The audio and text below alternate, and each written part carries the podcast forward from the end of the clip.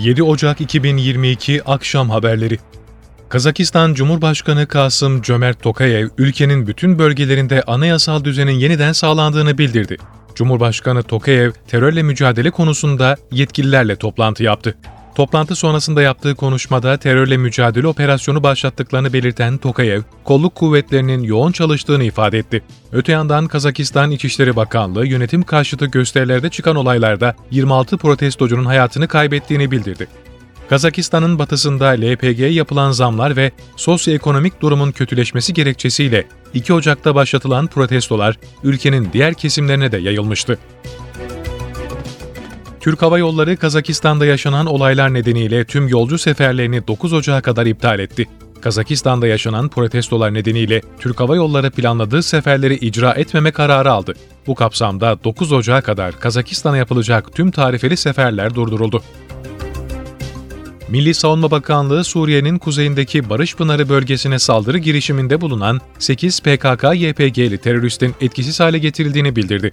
Bakanlıktan yapılan açıklamada komandoların Suriye'nin kuzeyindeki teröristlere darbe vurmaya devam ettiğini belirterek Barış Pınarı bölgesine yönelik saldırı girişiminde bulunan teröristlere misliyle karşılık veren Kahraman Mehmetçik, bölgede 8 PKK-YPG'li teröristi daha etkisiz hale getirdiği ifadesi kullanıldı.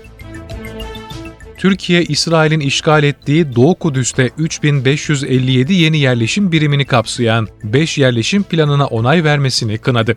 Dışişleri Bakanlığı'ndan yapılan yazılı açıklamada, coğrafi bütünlüğü haiz bir Filistin devletini fiziken imkansız kılmaya matuf söz konusu yeni gayrimeşru faaliyetler, iki devletli çözüm vizyonuna ve kalıcı barış zeminine de ciddi şekilde zarar vermektedir ifadesi kullanıldı. İsrail'in 1967'de işgal ettiği Batı Şeria'da 250'den fazla yasa dışı Yahudi yerleşim birimi bulunuyor. Bu yerlerde yaklaşık 500 bin Yahudi yerleşimci ikamet ediyor. İçişleri Bakanı Süleyman Soylu 10 Ocak pazartesi itibariyle 50 ildeki nüfus müdürlüklerinde e-imzanın kimlik kartlarına aktarılması işlemine başlanacağını duyurdu. Buna göre e-imzanın kimlik kartlarına aktarılması işlemi 10 Ocak pazartesi günü 50 ilde nüfus müdürlüklerinde başlayacak. Ocak ayı sonunda da 81 nüfus müdürlüğünde aktif hale gelecek. E-imzalı çipli kimlik kartları yakında Ziraat Bankası ve Tapu ve Kadastro Genel Müdürlüğü tarafından kullanılmaya başlanarak tüm Türkiye'ye yayılacak.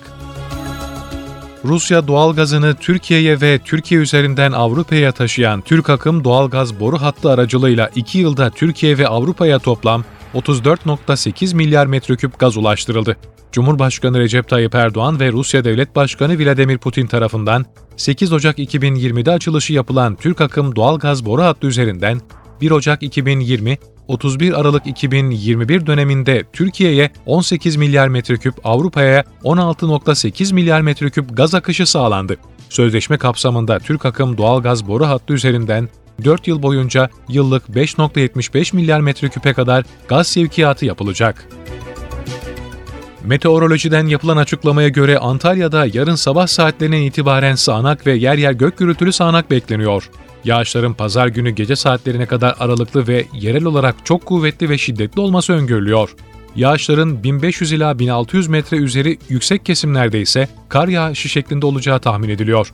Pazar günü rüzgarın da etkisini arttırarak kuvvetli ve yer yer kısa süreli fırtına şeklinde esmesi bekleniyor. Şiddetli yağışların oluşturabileceği ulaşımda aksama, su baskını, sel, yıldırım, deniz üzerinde hortum oluşma riski gibi olumsuzluklara karşı dikkatli ve tedbirli olunması istendi.